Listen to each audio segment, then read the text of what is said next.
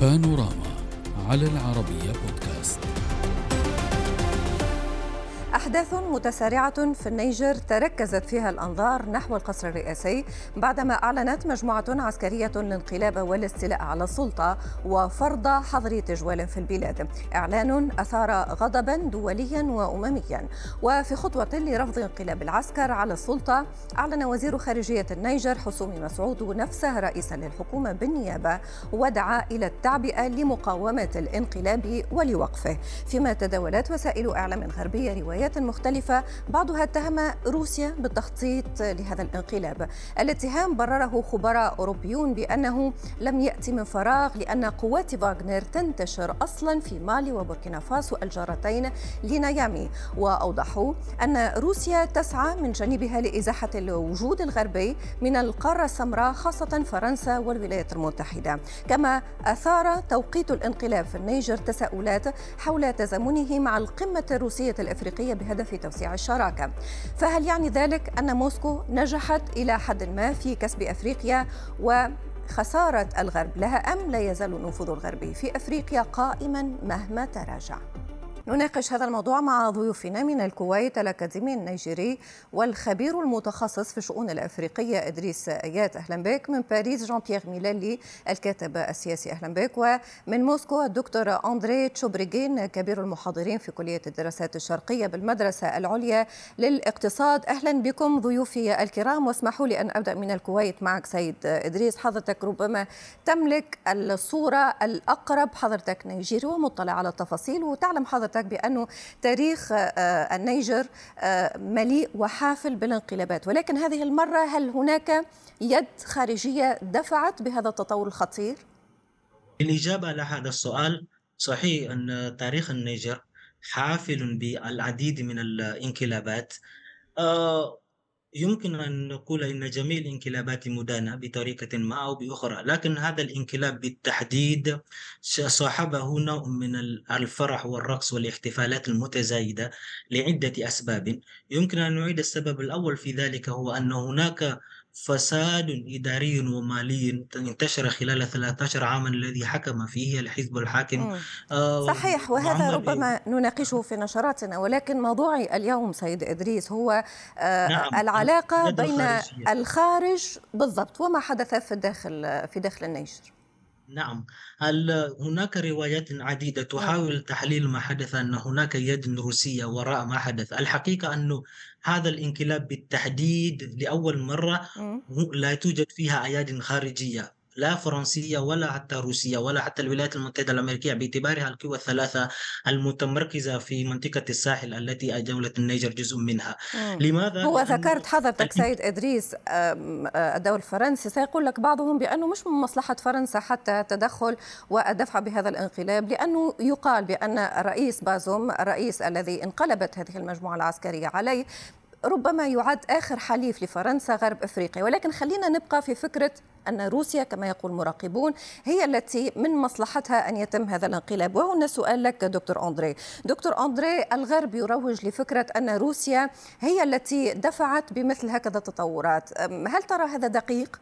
آه هناك في عوامل عدة آه لما يحدث آه الآن في النيجر آه مشان التداخل الروسي هناك المعلومات آه، تستند على آه، ظهور الرايات الروسية أمام المتظاهرين في الشوارع نيامي. صحيح. على فكرة دكتور دكتور فقط تأكيدا على كلام حضرتك سنتابع هذه الصور. هناك صور لرفع الرايات الروسية من أنصار ومؤيدي هذا الانقلاب في عاصمة النيجر. سنشاهد هذه الصور وسنستمع للهتافات ومن ثم أعود لك دكتور أندري. Okay.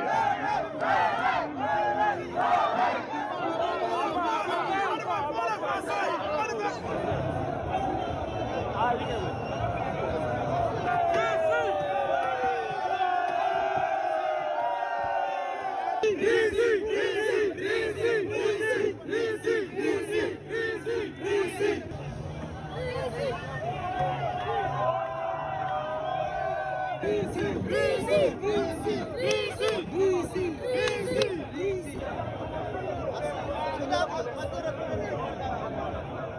دكتور أندري استمعتهم يهتفون روسي رشا روسيا هل هذا نعم. يدين موسكو؟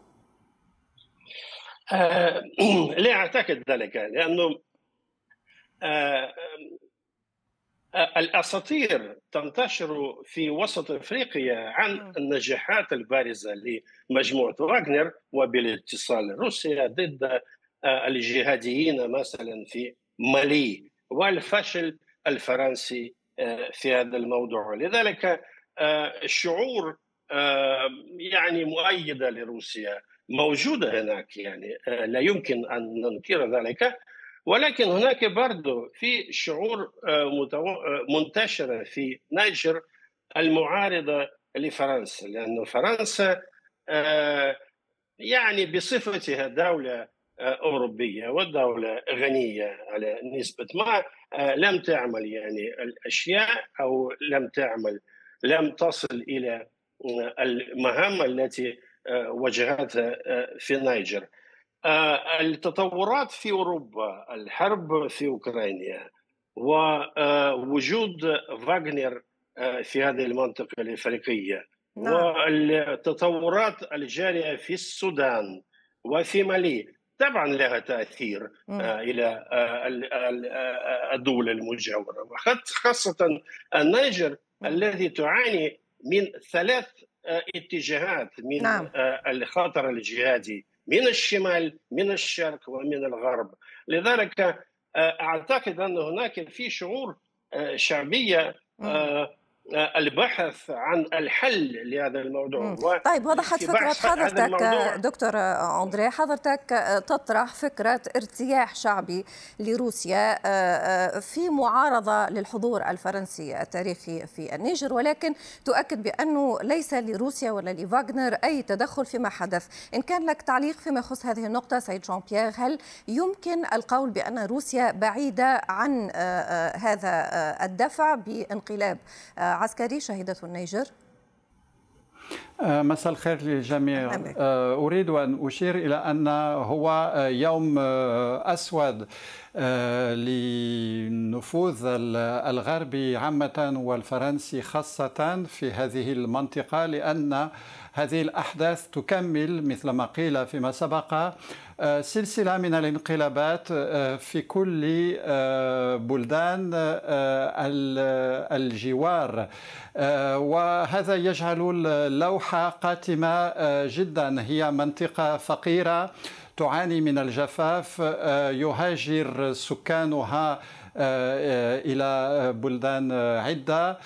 فالان نلاحظ أن العسكريين الضباط أداروا ظهرهم إلى من الديمقراطية أو من الطريقة الديمقراطية لأن الرئيس بازوم كان منتخبا شرعيا.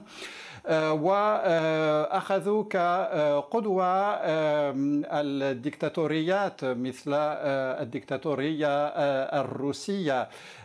فالسكان يجدون أنفسهم بين طاعون الجهاديين وكوليرا نعم. فاغنر طبعا لا لا أزعم أن يد فاغنر هي وراء هذه الأحداث. نحن في حاجة إلى وقت كي تتبين الصورة تبينا واضحا. ولكن لا شك أن فاغنر في في الجوار وأن حكام المنطقة يحاولون أن يكسبوا شيئا من آه، القوة الروسية ولكن القوة الروسية هي آه، في آه، مشكلة عويصة في أوروبا. فنلاحظ سيد إدريس بين ما يقوله وما يطرحه السيد جون بيير من أنه فرنسا ومثلها الدول الغربية كان لها موقف رافض لمثل هذا الانقلاب لأنه في نهاية الأمر بازوم هو رئيس منتخب بطريقة شرعية وبين ما قلته منذ قليل حضرتك بأنه كان هناك مظاهر فرح ورضاء في داخل النيجيري. كيف يمكن طرح فكرة هذا التناقض خاصة ونحن نتحدث عن فرنسا الحليف للرئيس السابق؟ آه، أولا تجدر الإشارة إلى أنه الكلام بأن ما حدث هو يوم أسود للغرب أو النفوذ الغربي. لا يصدقه الشعب في منطقة الساحل الذي أنا أنتمي إليه. باعتبار أن الديمقراطيات نفسها تتضاءل أمام الديمقراطية عندما ترتفع المصالح. رأينا وقوف فرنسا الديمقراطية مع ابن الرئيس آه، آه، إدريس ديبي محمد كاكا بعدما انقلب على والده. أضف إلى ذلك أن فرنسا نفسها وقفت مع ناسين بيادما في جمهورية توغو حينما كانت مصالحه في المحك وفي دولة النيجر أيضا أيدت انقلابات أخرى حين كانت تتوافق مع مصالحها. فالكلام بأنه تقلص للنفوذ الغربي أو يوم أسود للنفوذ الغربي لا أصدقه إطلاقا. للإجابة أيضا على سؤالك أستاذة لا يوجد هناك قبل تناقض. قبل السؤال اسمح لي فقط بإعادة وطلب تعليق من السيد جان بيير سيد جان بيير ضيفي يتساءل يقول بأن فرنسا التي تروج لفكرة الديمقراطية ودعمها للرؤساء المنتخبين لماذا تدعم ابن رئيس انقلب على والده مثلا؟ هذا لا يبرر إسقاط النظامات المنتخبة ديمقراطيا. هذا منطق يعني عقيم وهي حجة آه، جوفة. آه، إذا كانت هناك مشكلة مع نظام آه، منتخب ديمقراطية هناك قواعد هناك سلوك ديمقراطية ما عدا الانقلاب لأن نحن في منطقة مضطربة جدا تعاني من كل ويلات الحقبة الحالية نعم. وكيف يمكنها أن تدافع عن سكانها يعني الحكومات كيف يمكنها أن تدافع عن سكانها في هذا الزمان الرديء بغض النظر عن الديمقراطية ربما نعم. أخطأت فرنسا ولكن هل يظن البعض أن الروس بعادتهم الديكتاتورية سيواجهون المشاكل. لا هي هو وهم من الأوهام كما يوزعها السيد بوتين في سان بطرسبورغ ونحن نتكلم عن الموضوع. سيد إدريس أكمل فكرتك قبل نقل هذا الطارح الذي يشمل تدخل كذلك روسيا وإمكانية تدخلها للدكتور أندري. نعم. نعم. الرد أن هناك مغالطة يقع فيها العديدون وخاصة في العالم الغربي باعتبار أنه محاولة المقابلة بين حدثين وخاصة هناك تناقض غربي أو نفاق في التعامل مع الملفات أنه تبرير. نحن لا نبرر الانقلاب هنا. نقول فقط هناك استياء شعبي وهناك وعي يتزايد حول التناقضات الغربية. لا يمكن أن ينكره أحد. أما للرد على سؤالك أن هناك تناقضا أن هناك فرحا شعبيا الحقيقة أنه المنقلب الانقلابيين أنفسهم موالون لفرنسا. لا يوجد أي مؤشر يوضح أن هناك انزياح أو إنهياز أو انزلاق نحو روسيا أو نحو النفوذ الروسي. باعتبارهم مدربين من قبل فرنسا ومتعاونين مع فرنسا. وخاصه في قواعد العسكرية الاربعه الموجودة في أغاديز وكذلك آه، ماداما وفي منطقة نيامي. هؤلاء ليسوا مثل القادة الانقلابيين الموجودين في بوركينا فاسو ولا نعم. حتى في مالي. إن الوضع ولكن ولكن آه، سيد إدريس آه، حضرتك تنتقد الدور الفرنسي في النيجر ولكن ماذا عن الدور الروسي؟ هل يمكن أن نتحدث عن دور إيجابي منتظر من روسيا داخل النيجر تعتقد؟ لا اطلاقا. لا يوجد لروسيا ولا حتى فاغنر حضور في جمهورية النيجر؟ وهذا لا أتحدث آه، لا لا أتحدث على فاغنر لا أتحدث على دفع عسكري. أتحدث عن حضور بوتين في هذه القمة الإفريقية الروسية. أتحدث عن إمكانية لأنه ضيفي سيد جان بيير منذ قليل يقول بأنه إن ستتخذ الدول الإفريقية روسيا كبوصلة لتنظيم أمورها الداخلية فهي على خطأ. نعم لكن صحيح أيضا هذا على خطأ لكن حضور روسيا بشكل عام هو إيجابي من حيث المنظور الجيوستراتيجي. باعتبار أن الدول الأفريقية تستخدم روسيا وحضورها أو التلويح بالتوجه نحو روسيا كبالانسنج أكت أو كاللعب على التناقضات. وهذا من هذا الحيثية بالضبط. كانت الدول الغربية المتنفذة والمتسيدة سابقا لا تجد الدول الاختيار يكون بين بديلين لا يكون ما بديل واحد أو حليف واحد. ومن هذه الحيثية يذهب الكثيرون من الخبراء الاستراتيجيين والمراقبين أن التلويه بالورقة الروسية والعلامة الروسية ما هي إلا محاولة التفاوض بين روسيا أو الترويح باستخدام الورقة الروسية ضد النفوذ الغربي الذي لا يريدون الخروج منه ولا عن الديمقراطية طيب. عموما. دكتور آه، أندري هل تعتقد بأن بوتين سيستغل هذه الفرصة ب آه، آه، تطوير حضوره أكثر في الداخل الأفريقي وخاصة على مستوى غرب أفريقيا أو أنه سيفشل كما قرأ مسيو جون بيير؟ أول شيء خلينا نقول أن بوتين طبعا يعني يسعى إلى تقوية وجود روسيا في وسط أفريقيا وسوف يستمر في ذلك. هناك في اتجاهين يعني من هذه هذه السياسة الاتجاه الأول هذا الكسب الاقتصادي والاتجاه الثاني الكسب السياسي اللي في فهم بوتين هو معارضة النفوذ الغربية يعني الولايات المتحدة وفرنسا في هذا الحال.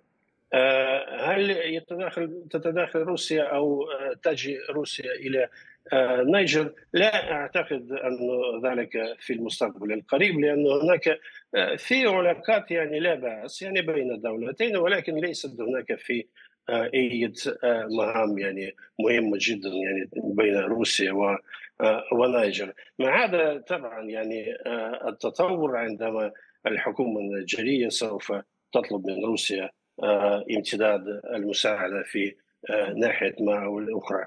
هناك كما أنا أشوف هناك في مستويين المستوى السياسي والمستوى الشعبي. المستوى السياسي يقول أنه يقول أنه نية الديمقراطية اللي نحن نتحدث بفراح يعني دائما نية الديمقراطية مفهومة في فرنسا ليست كما هي مفهومة في نيجر وهذه صحيح. ولذلك الفرح في الشوارع لأنه الشعب يعني لا يفرح أن روسيا جاء أو فرنسا راح الشعب يفرح يعني لأنه يتوقف التغيرات الجيدة نعم. دائما يعني في في هذا التطور نشوف سننتظر لنرى كيف ستكون الأمور ولكن نعم. في كل الحالات البعض يقول بأن القراءات سيد جون بيير تؤكد على أن فرنسا قد تخسر ما مقداره 70% من الكهرباء الذي كانت تتزود به من النيجر